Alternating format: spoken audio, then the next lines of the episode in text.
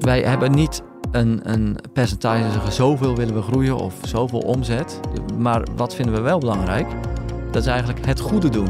Welkom bij Toekomstbestendig Ondernemen voor het Familiebedrijf. In deze podcast praat ik met eigenaren en adviseurs van familiebedrijven over de uitdagingen voor de toekomst. Dit is een podcast van Grant Thornton. Juist als je een doelstelling hebt die nou ja, gericht is op bijvoorbeeld weeshuis of iets anders maatschappelijk, zie je dat de onderneming vaak mensen aantrekt die juist gedreven zijn om daar resultaat voor te maken. Te gast Samuel van den Berg, directeur van Van den Berg Hardhout. Samuel, leuk dat je er bent. Dankjewel. Je zit in de houtbusiness. Hoe gaat het ermee? Ja, houtbusiness uh, is nooit saai. Um, we hebben natuurlijk de afgelopen jaren uh, corona gehad. Mm -hmm. Dat heeft ook heel veel impact gehad op, uh, op de houtbusiness. Mm -hmm. Uh, wij importeren tropisch hardhout. Oh, dus je hebt altijd wat uit te leggen op feesten en partijen waarschijnlijk? Zeker. en dat doe ik graag. Ja. Uh, want uh, onze bedrijven importeren tropisch hardhout, waarmee we zelfs bos beschermen.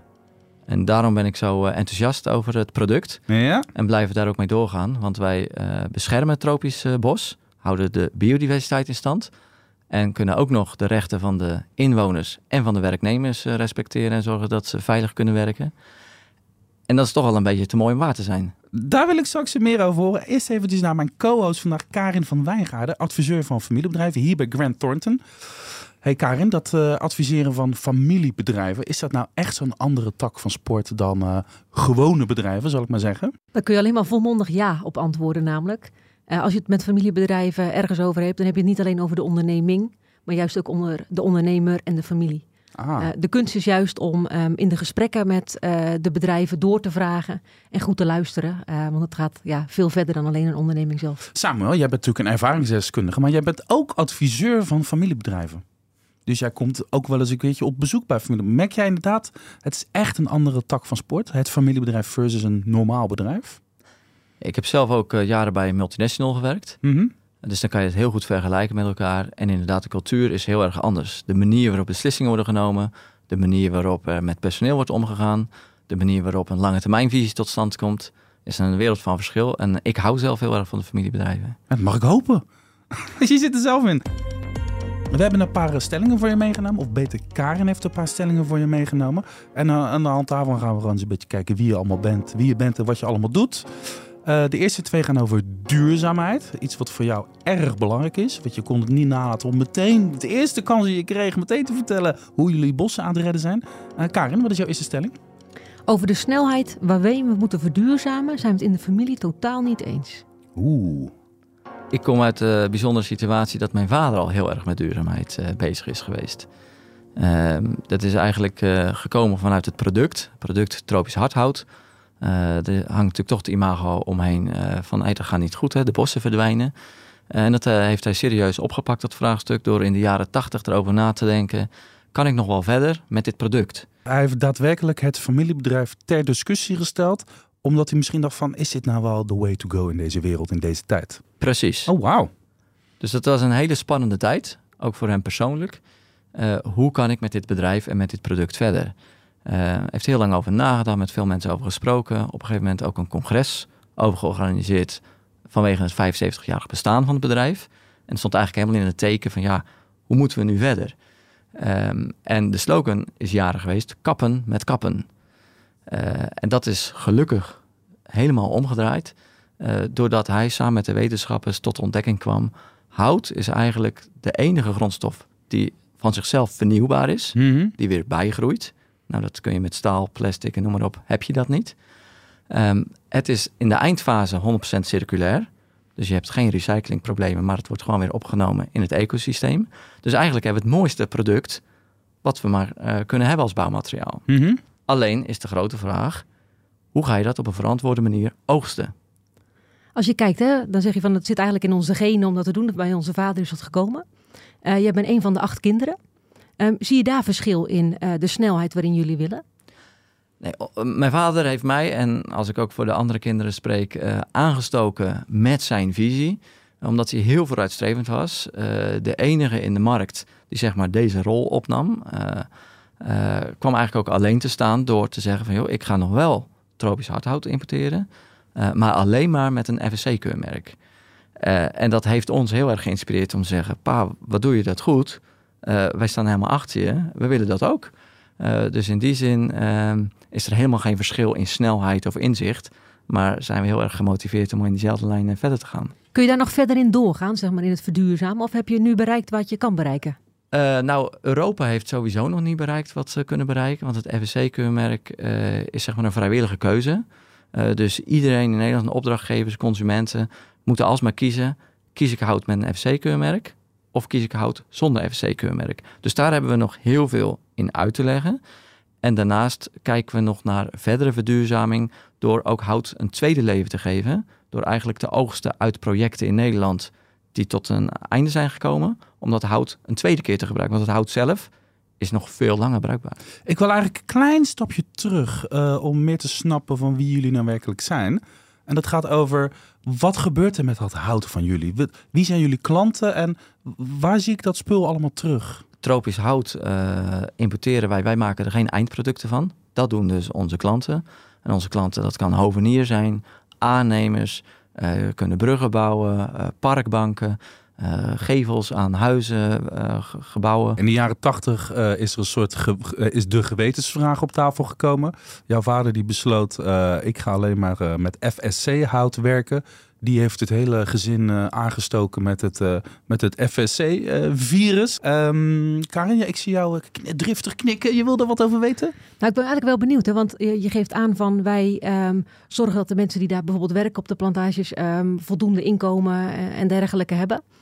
Hoe kun je dat allemaal bijhouden en meten en controleren? Ja, nou, je noemt al het woord plantage, dus dat ga ik al proberen even recht te zetten. Het mooie van ons product is dat we echt in de natuur werken. Dus uh, het ecosysteem van het bos, dat blijft helemaal in stand. Een plantage is eigenlijk dat je het bos eerst hebt weggehaald en daarna uh, daar bomen of andere dingen gaat, gaat planten. En dan heb je eigenlijk geen ecosysteem meer. En dit is zo uniek dat je dus in de natuur bent en het blijft ook natuur. Dat is natuurlijk wat we willen met z'n allen. Uh, maar dat bestaat nu dus al. Uh, en dat is ook denk ik de enige manier waarop we dus die biodiversiteit in stand kunnen houden. Hoe doen we dat? Uh, nou, daar hebben we gelukkig FSC voor, die daar met wetenschappers over nadenkt. Hoe moet je nu in zo'n bos oogsten dat het op een veilige manier kan? En die laat dat controleren door externe controleurs. Dus elk jaar komen controleurs om te kijken of je aan al die eisen en regels houdt. Dus het is uh, eigenlijk heel complex. Het is heel veel eisend. Maar omdat het gecontroleerd wordt, is het ook betrouwbaar. En dat is voor ons een reden om te zeggen: wij kopen alleen maar hout met dat keurmerk, omdat we dan kunnen garanderen dat zowel de bossen, de dieren als de mensen zeg maar uh, veilig en goed kunnen werken. Echte duurzaamheid.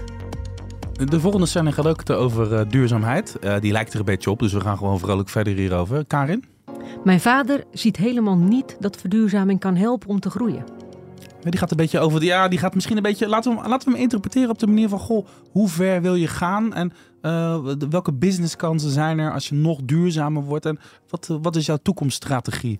En dan, uh, dan geloof ik eigenlijk wel dat je vader het ermee eens is. Um, ik denk dat er nog heel veel kennis ontbreekt over hout, over de eigenschappen van hout. Wat kun je er allemaal mee en hoe kan het een vervanger zijn voor minder milieuvriendelijke producten?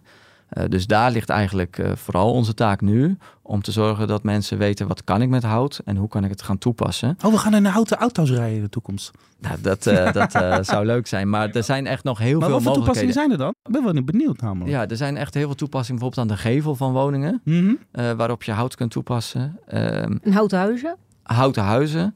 Uh, maar er zijn door de jaren heen ook eigenlijk veel meer producten bijgekomen, materialen, die hout eigenlijk zijn gaan verdringen. Uh, op het moment dat we nu dat hout niet meer uit die tropen gebruiken, uh, gaat zo'n boseigenaar denken: ja, wat moet ik nu eigenlijk met dat bos? Want ik moet wel geld verdienen, moet brood op de plank komen. Die gaat daar vervolgens te veel hout oogsten, waardoor het bos achteruit gaat. Vervolgens is het een tweederangsbos geworden. Ja, dan is het eigenlijk niet waardevol meer. Nou, dan kun je er een plantage van maken. En vervolgens wordt misschien een, uh, voor de landbouw gebruikt of voor, voor uh, mijnbouw. Uh, dus dan zie je dat eigenlijk gewoon het hele bos verdwijnt op het moment dat wij materialen gebruiken die niet van, uh, van FSC-hout zijn. Op jullie website staat het kop, onder het kopje Wie zijn wij? Dacht ik, oh, ik ga eens even lezen. Wat zijn het voor mensen? En ik wist van, ja, jullie zijn met z'n achten thuis, acht kinderen. Er zitten er drie in het bedrijf. Jij bent nu in charge. Uh, jullie familiegeschiedenis is ook de moeite van het, uh, van het bestuderen waard. En dan zie ik onder dat kopje Wie zijn wij? Eigenlijk alleen maar een opsomming van labels, projecten. En wat natuurlijk hartstikke leuk is, hè? Maar dan denk ik van, hé, hey, Jullie zijn toch een hartstikke tof familiebedrijf. Je hoeft er niet zo defensief uit te leggen dat jullie het juiste doen voor, het, voor, voor, voor de natuur. Wie zijn jullie? Ja, we treden niet zo erg op de voorgrond als familie. Hebben daar ook niet zo uh, de behoefte aan. Uh, we zijn gewoon heel druk met het product. Uh, dat vinden we heel leuk. En als importeur hebben we zeg maar Nederlandse en Europese afnemers. En ja, daar proberen we vooral het verhaal aan te vertellen. Mm -hmm. En ja, de familie blijft in die zin inderdaad helemaal op de achtergrond. En ja, zo doen we het al heel veel jaren en voelen we heel comfortabel bij. We willen er meer over weten. We gaan nu even eens kijken naar die hele opvolgingskwestie. Is altijd spannend in familiebedrijven. Uh, Karin, uh, eerste stelling daarbij. Hij is misschien wel een beetje gewaagd hoor, maar um, ik wilde eigenlijk liever niet werken in het familiebedrijf. Ja, die zijn er ook altijd, hè? Van die mensen die helemaal niet willen. Ja, je Is zit er zo in. Nee hoor. um, ik heb na mijn studie eh, bedrijfskunde op de Erasmus Universiteit heb ik echt bewust gekozen om niet in het familiebedrijf te gaan werken. Niet omdat ik het bedrijf niet interessant vond of, of uh, wat dan ook, maar meer dat ik uh, eerst mezelf wilde bewijzen. Uh, ook mezelf wilde leren kennen van, joh, wat kan ik nu eigenlijk uh, echt, hè, zonder dat je toch altijd de zoon van uh, bent. dus ik heb eerst gewoon in andere bedrijven gewerkt. En ja, sinds drie jaar geleden kwam opeens de vraag, zou je toch iets in het bedrijf willen gaan doen? En zo, stapje bij stapje, is dat ah, verder okay, gaan Dus jouw keuze was, ik wil, ik, wil, ik wil mezelf leren kennen. Ik wil niet via die kruiwagen zo, hup, die het bedrijf in gekieperd worden. Uh, maar wel met de intentie om uiteindelijk wel in dat bedrijf een belangrijke rol te spelen? Nee, dat was voor mij niet een intentie. Uh, het was meer zoiets van, ja, als dat zo is, prima. Als dat niet zo is, ook prima. Uh, dus in die zin is het ook heel spontaan gelopen en had ik daar zelf niet een uh, plan bij.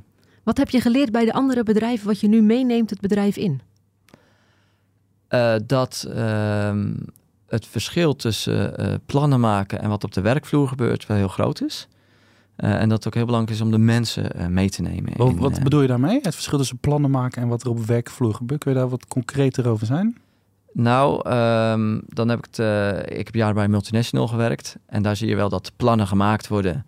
En dan zeg maar naar beneden druppelen. Mm -hmm. en dat iedereen dan plotseling geconfronteerd wordt met een plan. En um, ja, dat is een manier van werken. En in zulke grote organisaties uh, begrijp ik ook dat men tot die keuze komt. Maar voor mensen en voor het enthousiasme van mensen uh, is dat niet zo, uh, niet zo positief. En ik vind het heel belangrijk dat mensen gemotiveerd zijn en enthousiast zijn voor het bedrijf en voor het product. En hoe gaat het dan in je functie nu?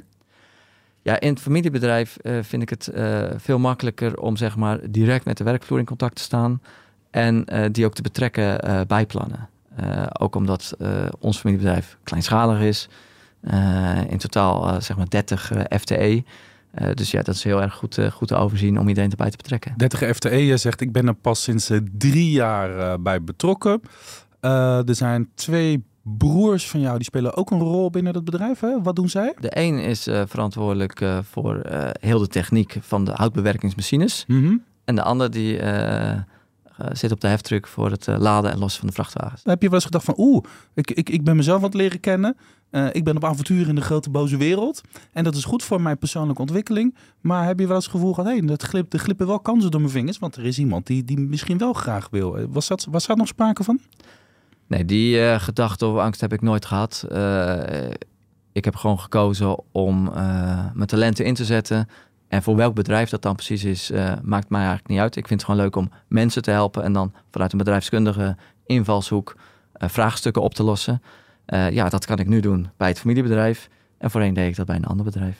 Ben jij als directeur binnengekomen of, of, heb je eerst iets anders gedaan bij het bedrijf? Moest je eerst stage lopen of zo? Ja, um, we hebben het eigenlijk op een hele spontane manier opgepakt. er was een van de directieleden die ging met pensioen. Uh, dus heb ik in de laatste jaar heb ik heel erg samen met hem opgetrokken.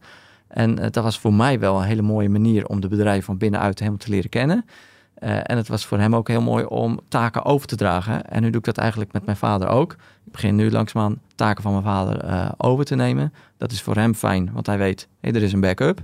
En voor mij is het fijn, want ik kan nog eens vragen, hey, waarom doen we het zo? Wat vinden die andere broers en zussen ervan dat jij nu deze functie vervult? Um, ja, ik heb het eigenlijk niet aan ze gevraagd. Uh, maar de, ja, uh, we vinden dat heel leuk. het, is, ja, het is toch iets van de familie. En dat je dan op deze manier kan bijdragen en mee kan doen. dat is leuk. Dus ja, wat dat betreft staan we allemaal nog heel positief in. Oké, dus je hebt eerst een traject gevolgd met die andere directeur. Je zegt, ik zit nu in de fase dat ik langzaamaan taken van mijn vader aan het overnemen ben.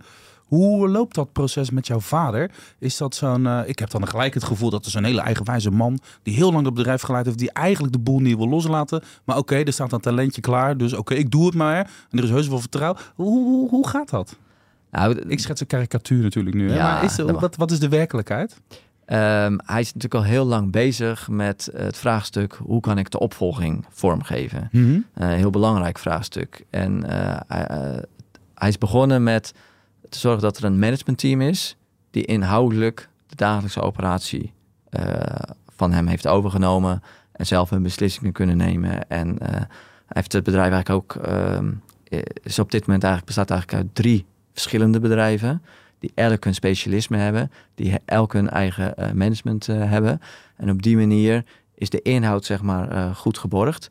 En eh, de dingen die ik nu nog van hem overneem, ja, dat is eigenlijk alles wat vooral met de administratie, met de holding, met financiering vraagstukken te maken heeft. En niet zozeer met het hout zelf. Wordt er ook al nagedacht over eh, bijvoorbeeld jouw opvolging of jouw uitval als er wat met jou gebeurt? Daar zijn we nog, eh, nog niet mee bezig. Eh, maar het idee is wel om eigenlijk te zorgen dat er altijd een backup is. Dus dat altijd iemand ook weet van hoe doen we het en wie is waar verantwoordelijk voor. Eh, zodat je wel die continuïteit, wat voor ons eigenlijk het eh, belangrijkste is, dat die gewaarborgd is. En waarom is die continuïteit zo belangrijk bij jullie?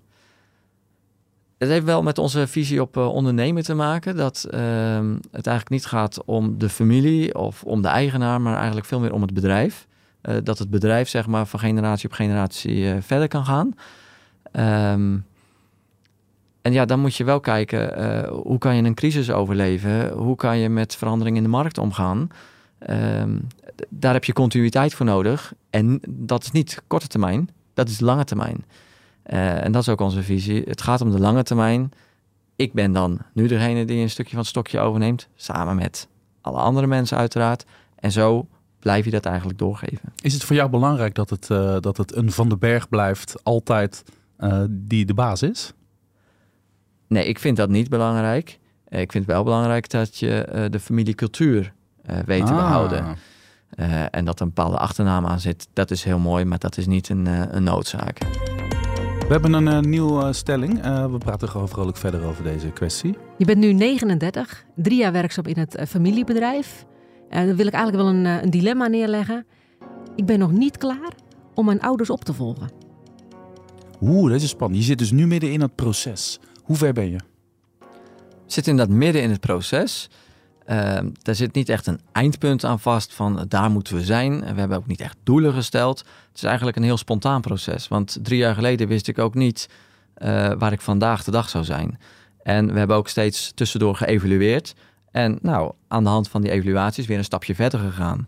Eh, dus in die zin zijn we er eigenlijk ook zo in gegaan. Nou, we gaan gewoon eerst kijken. Stel dat het niet bevalt, dan staan we er ook wel zo open in. Dan gaan we er ook weer mee stoppen. Dus het, is wel, het gaat om kwaliteit. En als we met elkaar vinden van hé, hey, dit gaat goed, nou, dan gaan we weer een stapje verder. Heb je daar structureel bijvoorbeeld overleggen met je vader of met de MT's over ehm, hoe het gaat? Eh, de bedrijven zelf hebben wel heel strak de overleggen waar ik ook eh, aan meedoe. Als het specifiek hierover gaat, doen we het met name één keer per jaar echt evalueren. Ehm, en tussendoor eh, is het eigenlijk meer spontaan eh, dat je dingen overlegt. Wat ik wel ehm, al heel snel merkte, van ja, ik kom in een bedrijf met een enorme historie. Eh, die historie is mij niet helemaal eigen. Ik weet er wel iets van. Ik heb er wel iets aangeroken, maar ik weet het toch niet helemaal. Dus ik heb eh, voorgesteld om een bedrijfsstatuut op te stellen. Waarin we geprobeerd hebben om eh, de manier van denken van de afgelopen 50 jaar eigenlijk op een paar A4'tjes op te schrijven. Gewoon de cultuur te vangen, de bedrijfscultuur. Precies. En waar kom je dan op uit? Eh, nou, dat gaat over financiële waarden, eh, over ethische waarden, over hoe ga je om met personeel, eh, wat vinden we van duurzaamheid. Ehm, en een van de dingen die daar bijvoorbeeld uit naar voren kwam, is dat groeidoelstellingen voor de onderneming vinden we eigenlijk niet zo belangrijk. Ehm, dus wij hebben niet een, een percentage zeggen zoveel willen we groeien of zoveel omzet. Maar wat vinden we wel belangrijk? Dat is eigenlijk het goede doen.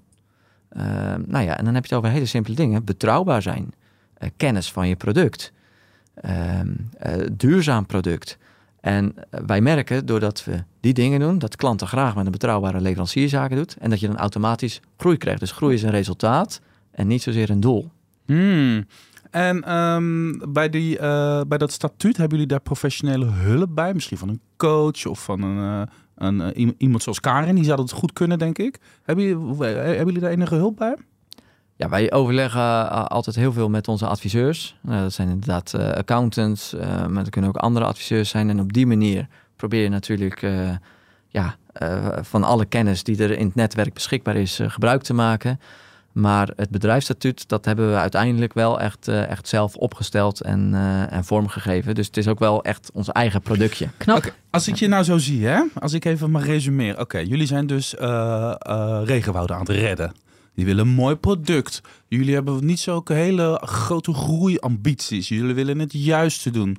Uh, je bent in goed overleg met je vader. Uh, er is weinig conflict. Dat gun ik je ook. Maar waar zit de spanning? Want het zal ongetwijfeld niet altijd makkelijk zijn in zo'n familiebedrijf. Je komt net binnen. Waar, zitten voor jou de uitdagingen? Nou, voor mij zitten wel de uitdagingen in uh, de werkmaatschappijen. Um, hoe zorg je ervoor dat zeg maar, het product, um, het tropisch hout, heb ik het mm -hmm. dan met name over, dat dat gebruikt blijft worden in Europa? Want dat staat toch nog wel, uh, dat is niet zo vanzelfsprekend. Dus uh, wat je net al zei, hout is heel populair uh, mm -hmm. momenteel, maar dat gaat eigenlijk nooit over tropisch hout.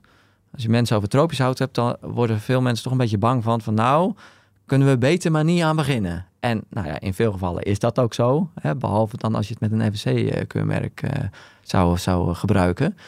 Dus daar liggen voor mij wel de grootste uitdagingen. Hoe zorgen we ervoor dat ook in de komende generatie uh, het gebruik van hout ja, voldoende overeind blijft? Kun je dat alleen doen, zeg maar? Of moet je daar juist de kracht van Europa of je concurrenten misschien wel gebruiken door samen op te trekken? Precies, dat laatste ook vooral. het moet iets marktbreed zijn. Dus op het moment dat ik andere importeurs hoor die zeggen: Nou, wij gaan misschien toch ook binnenkort 100% uh, naar gecertificeerd hout toe. Daar word ik heel blij van. Want ik denk dat dat belangrijk is. Dus ligt een opdracht als houtsector. Het is ook een beetje, het wordt ook een beetje marketing, PR, communicatieskills worden hier belangrijk. Ben je daarin aan het uh, bekwamen op de achtergrond? Daar hebben we het zeker over. Dat is zeker een agendapunt uh, van hoe doen we dat. En ja, dan zeg je aan de ene kant ja, wij zijn maar een familiebedrijf. We zijn geen uh, marketing en we zijn ook geen non-profit organisatie. We zijn geen overheid. En de thema's die wij aansnijden liggen wel eigenlijk op dat, uh, op dat snijvlak. Um, dus dat is wel lastig om als bedrijf eigenlijk een soort um, ja, verhaal te vertellen. Um, waarbij men denkt, ja, maar ja, een bedrijf die zal wel geld willen verdienen. Hoe zit dat precies? Dus dat is wel een spanningsveld. Hoe ga je dat goed? Volgens mij ben je er best wel handig in. We gaan even kijken naar uh, eigenaarschap, het vermogen van het bedrijf, wat, hoe jullie dat georganiseerd hebben. En daar heeft uh, Karin natuurlijk ook stellingen voor meegenomen. Nou, zeker bij een bedrijf waar acht kinderen uh, of in de familie zitten, ben ik wel benieuwd. Mijn vermogen zit vast in de zaak. Hoe krijg ik het eruit? Het bedrijf was flappentap. Ja, mooie, mooie vraag. Uh, dan moet ik eigenlijk denk ik even uitleggen hoe is onze situatie. En ja, dan is deze vraag misschien eigenlijk al, al overbodig of beantwoord. Uh, elk familiebedrijf komt op een dag uh, voor de vraag te staan: hoe ga ik uh, het overdragen naar een volgende generatie? Uh, ga ik het verkopen? Wat is het waard? Nou, dat zijn gewoon hele lastige vraagstukken. Eh, in ons geval is het heel anders gelopen, want een Ambi-stichting is op dit moment de grote aandeelhouder geworden. Dus dat geeft hele andere effecten. Dat dus niet de kinderen en niet de familie de grote aandeelhouder is, maar een Ambi-stichting heeft een paar hele mooie voordelen. Waar ik ook echt heel blij mee ben. De eerste is dat een ambistichting gaat het bedrijf nooit verkopen. Dus het hele vraagstuk van, oh, uh, gaat het bedrijf ooit verkocht worden? Die speelt bij management en bij personeel niet. Want je iedereen je, weet... Je hebt jezelf hiermee totaal onverkoopbaar gemaakt. Dit is natuurlijk helemaal niet interessant voor commerciële partijen. Precies. dus een ander wil ons niet kopen en de ambi wil ons niet verkopen. Oké, okay, dus je zit vast. Ja, en dat is, zie ik dus niet als een nadeel, maar als een heel groot voordeel. Wie heeft het mooie besluit genomen? Dat heeft wel mijn vader uh, als, als aandeelhouder, uh, want die was de aandeelhouder 100%. Uh, die heeft die, die gedachte ontwikkeld. natuurlijk ook niet op één dag, maar dat groeit zo door de tijd heen. En als kinderen vinden we dat een prachtige keuze. Daar staan we er helemaal achter. En wat is dan de doelstelling van deze stichting? Nou, deze stichting uh, heeft dan zeg maar weer een eigen bestuur en is zeg maar vrij om die middelen uh, te gaan besteden. En die geeft het bijvoorbeeld aan uh, een weeshuis, omdat wij het heel mooi vinden dat kwetsbare mensen in omstandigheden waar ze zelf ook niet om gevraagd hebben, dan hulp krijgen. Nou, en dan kan het op die wijze weer iets goeds doen in de wereld. En hoe kiezen jullie dan het bestuur van zo'n stichting? Daar gaat de stichting zelf over. Dus daar hebben we eigenlijk een ontkoppeling gemaakt. Dat we daar niet in willen interveneren. Um, dus ja, dat is naar de toekomst toe uh, spannend. Van hey, hoe gaat zich dat ontwikkelen? Maar dat maakt je wel een beetje kwetsbaar natuurlijk. Uh, nou, ik denk als bedrijf niet. Uh, want ze hebben niet de invloed op het bedrijf. een stichting heeft geen verstand van hout. Hmm. dus dat heeft er ook voor gezorgd dat we een ontkoppeling moeten maken tussen het eigenaarschap en de dagelijkse leiding. -hmm. uh, en ja, dat heet dan een stichting administratiekantoor. Die heeft een bestuur en dat bestuur stelt dan zeg maar het beleid vast enzovoorts. En dat bestuur wordt dan gevormd door mensen vanuit het bedrijf, vanuit de familie en vanuit de stichting. Hoe voorkom je zeg maar dat um, de hongerigheid naar misschien wel mooie resultaten af kan nemen op het moment dat het nou ja, niet naar de familie toe vloeit, maar naar een ambi? Ja, wij zijn niet uit op uh, winstmaximalisatie, ook nooit geweest. Uh, maar eigenlijk altijd op, uh, op de continuïteit. Dus wij uh, zijn gericht op uh, lopen we voorop in de markt, zijn we innovatief, is onze kennis op orde, vinden onze klanten ons aantrekkelijk. Dus we richten ons echt daarop. En dan is net als groei is een resultaat, is ook winst een resultaat maar niet een doel op zichzelf. Dit is wel een opmerkelijke constructie. Ik vind het prachtig, maar dit is natuurlijk niet iets wat je vaak tegenkomt, uh, Karen, of wel? Je komt het niet vaak uh, tegen, al moet ik wel zeggen. Ik heb ook een klant waar 100% bijvoorbeeld van de aandelen zeg maar, richting, een, uh, richting een ambi gaat. Mm -hmm. Onder het mom van dividend uitkeren, dat doen we niet. Wij leven van het salaris wat we uit de zaak halen. En we krijgen loon naar werken. En het stukje wat overblijft gaat gewoon naar, naar de ja, goede doelen in de wereld toe. Jij werkt veel met, met, met familiebedrijven. Hè? Jij bent adviseur. Je werkt niet met dit bedrijf. Nee. Uh, zijn dit wel de, de krenten uit de pap, waar een beetje creatief wordt omgesprongen met eigenaarschap? Uh, zij hebben duidelijke doelstellingen die echt anders zijn dan andere bedrijven. Is, zijn dit de leuke bedrijven om mee te werken? Um, ik vind het hebben van een mooie doelstelling, zeg maar, als die maatschappelijk is, dat volgens mij triggert iedereen dat. Mm -hmm. um, dus de vorige vraag die ik stelde van, word je eigenlijk als bedrijf zijnde niet lui om je winsten niet te gaan maken? Um, ik zie in de praktijk dat het totaal niet speelt. Want juist als je een doelstelling hebt die nou ja, gericht is op bijvoorbeeld weeshuis of iets anders maatschappelijk, zie je dat de onderneming um, nou, vaak mensen aantrekt die juist gedreven zijn om daar resultaat voor te maken. We hebben nog uh, één stelling voor je klaar liggen, Samuel. Ben je er klaar voor? Kom maar op. Nu ik als kind in de zaak zit, praat ik nooit meer met mijn vader over andere dingen dan het bedrijf. Ah ja. Ja, dat zal wel erg zijn. Uh, nee, dat is helemaal niet zo. Um, op het moment dat wij zeg maar een niet-zakelijke ontmoeting hebben, dan gaat het eigenlijk juist niet over het bedrijf. Dus dat vond ik zelf ook wel interessant. Van nou, hoe gaat dat lopen in de praktijk? Is het dan zo als je elkaar tegenkomt dat het gelijk over het bedrijf gaat? Nou, de praktijk tot nog toe is dat dat helemaal niet zo is. Uh, was ook wel anders dan ik had verwacht. Hoe weet je welke pet iemand nou op heeft bij jullie? Pet van vader of eigenaar? Uh... Ja, dat loopt wel door elkaar heen. En uh, ik denk dat het belangrijkste en het mooiste is dat je elkaar gewoon 100% vertrouwt. Uh, en als je iets niet begrijpt, dan vraag je het en dan uh, kun je het uitleggen en dan kun je, het, uh, kun je tot elkaar komen. en dat vertrouwen, ja, dat is wel de basis en dat zorgt ook dat het ontspannen kan gaan. Maar ook dit, Karin, klinkt voor mij weer als een soort bijna zo'n zo ideale situatie, weet je wel. Het is een organisch geheel op die verjaardagen en tijdens de kerst. Dan gaat die werkpet af en dan zijn we gewoon vader-zoon. En dat is eigenlijk helemaal geen issue.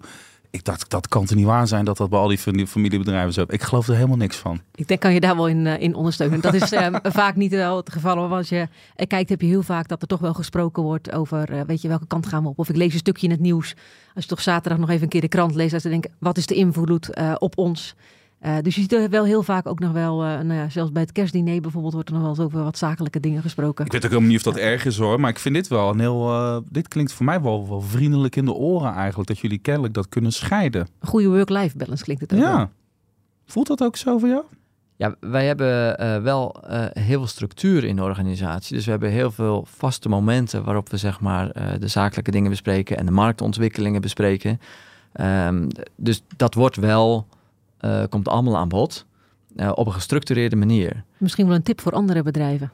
Ja, en dat is wel echt heel prettig. eh, want ik ben natuurlijk in heel veel bedrijven eh, geweest, ook in organisaties. Eh, en ja, dat is wel het onderscheid wat ik hier aantrof. Eh, en ja, wat ik ook echt eh, geweldig eh, goed vind, is dus die enorme structuur om eh, eh, dingen op te schrijven, om eh, eh, eens in de zoveel tijd bij elkaar te komen, een bepaalde agenda eh, door te nemen. Eh, en dan niet half en niet een beetje en niet af en toe, maar echt op een gestructureerde manier. En dat zorgt voor heel veel rust. En ja, misschien kunnen we dan eh, ook makkelijk over andere onderwerpen praten Ja. in de privéomgeving. Mooi. We moeten een beetje gaan afronden nu. Eh, jij zei net van, joh, het maakt mij persoonlijk niet zo heel veel uit of het straks een Van den Berg is die het bedrijf leidt in de toekomst. Maar ik kan me ook weer niet voorstellen dat het helemaal geen issue is. Dat bedrijf is al eh, vier generaties in de familie. Eh, jij hebt eh, zeven broers en zussen. De oudste en de jongste die zijn in- actief in het bedrijf. Jij zit ergens in het midden en jij bent nu de baas. Eh, er zijn natuurlijk allemaal kinderen en kleinkinderen die er nu aan zitten te komen. Die stormen gewoon op dat bedrijf af. Zit er een talentje tussen? Zitten er een beetje houtgekkies bij? Dat je denkt van, "Mwah, volgens mij, het hoeft niet per se, het zou wel leuk zijn. Zeker, het zou heel erg leuk zijn. Dus dat, dat stimuleren we ook. Dus als we één keer per jaar bij elkaar komen, dan gaat ook die Ambi-stichting iets vertellen over een project. Proberen we ook de kleinkinderen eh, voor uit te nodigen, zodat die ook zeg maar eh, gaan ruiken aan het eh, bedrijf en aan het houtvak enzovoorts. Dus op die manier proberen ze warm te maken. Uiteindelijk moeten ze natuurlijk zelf voor kiezen, maar dat zou fantastisch zijn. En ik heb er goede hoop op. Want welke rol speelt dan die stichting bij zeg maar, de keus voor de opvolger? Daar heeft de stichting geen, geen rol in. Dus dat regelt het bedrijf eh, zelf, de, de directie zeg maar. Ja, wij hebben zeg maar dus de splitsing gemaakt dat eh, de stichting is dan wel eigenaar, maar geen zeggenschap. En het stakbestuur, zoals we dat noemen, eh, die gaat over het beleid en die stelt eh, directieleden aan. Samuel van den Berg, dankjewel voor je mooie verhaal. Ik wens je heel veel succes met, eh, met, het, met het kappen van bomen en dat de bossen blijven groeien. Zoiets is het toch? Ja, zeker. Bossen groeien uit zichzelf. En ik eh, wens je heel veel succes. En eh, je zit nu in een spannende periode. Je bent de boel aan het overnemen nu. Heel veel succes daarmee. Eh, Karin, eh, als mensen nou ook die andere afleveringen willen luisteren over eh, de familiebedrijven. Waar moeten ze dan zijn? Uiteraard op onze website www.gt.nl. En voor als je het helemaal goed wil vinden, www.gt.nl slash toekomstbestendig ondernemen familiebedrijf. Nu zijn wij, worden wij beluisterd door een heleboel mensen die eh, zelf actief zijn in een familiebedrijf. Als ze nou een beetje hulp nodig hebben, kunnen ze jou dan ook bellen om eh, wat adviezen in te winnen? Ja, zeker weten. Wij hebben acht vestigingen hier in Nederland eh, zitten. En op elk kantoor zitten er diverse eh, speciaal opgeleide collega's voor het familiebedrijf. Dus het is een opleiding die zij krijgen. Nou, van minimaal een jaar lang bovenop gewoon een ja, specialistische opleiding. Ja. Omdat het echt een vak apart is. Nou, kijk eens aan. Bellen zou ik zeggen. Jongens, dank jullie wel.